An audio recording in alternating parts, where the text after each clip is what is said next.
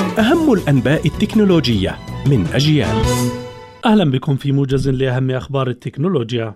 الرئيس التنفيذي لشركة فيسبوك مارك زوكربيرغ يعلن تسمية الموظفين في الشركة باسم Metamates بعد أن أعادت الشركة تسمية نفسها من فيسبوك إلى ميتا العام الماضي. إنستغرام تضيف ميزة جديدة للتطبيق تدعى private story like من خلالها يتمكن المستخدمون من وضع علامة إعجاب على المنشورات التي تظهر في قائمة القصص ودون أن تظهر لصاحب المنشور رسائل مباشرة في صندوق الوارد. سيارة فورد تصبح السيارة الكهربائية الجديدة الأفضل لعام 2022 وفقا لتقارير المستهلكين متفوقة على سيارة شركة تسلا موديل 3 التي احتكرت اللقب على مدار العامين الماضيين. ويمنح هذا التغيير فورد دفعة معنوية في سعيها للتفوق على تسلا لتصبح الشركة المصنعة الأولى للسيارات الكهربائية في الولايات المتحدة. ويعود هذا التفوق إلى مجموعة من العوامل بما في ذلك جودة الركوب والم الموثوقية وتجارب المستخدمين.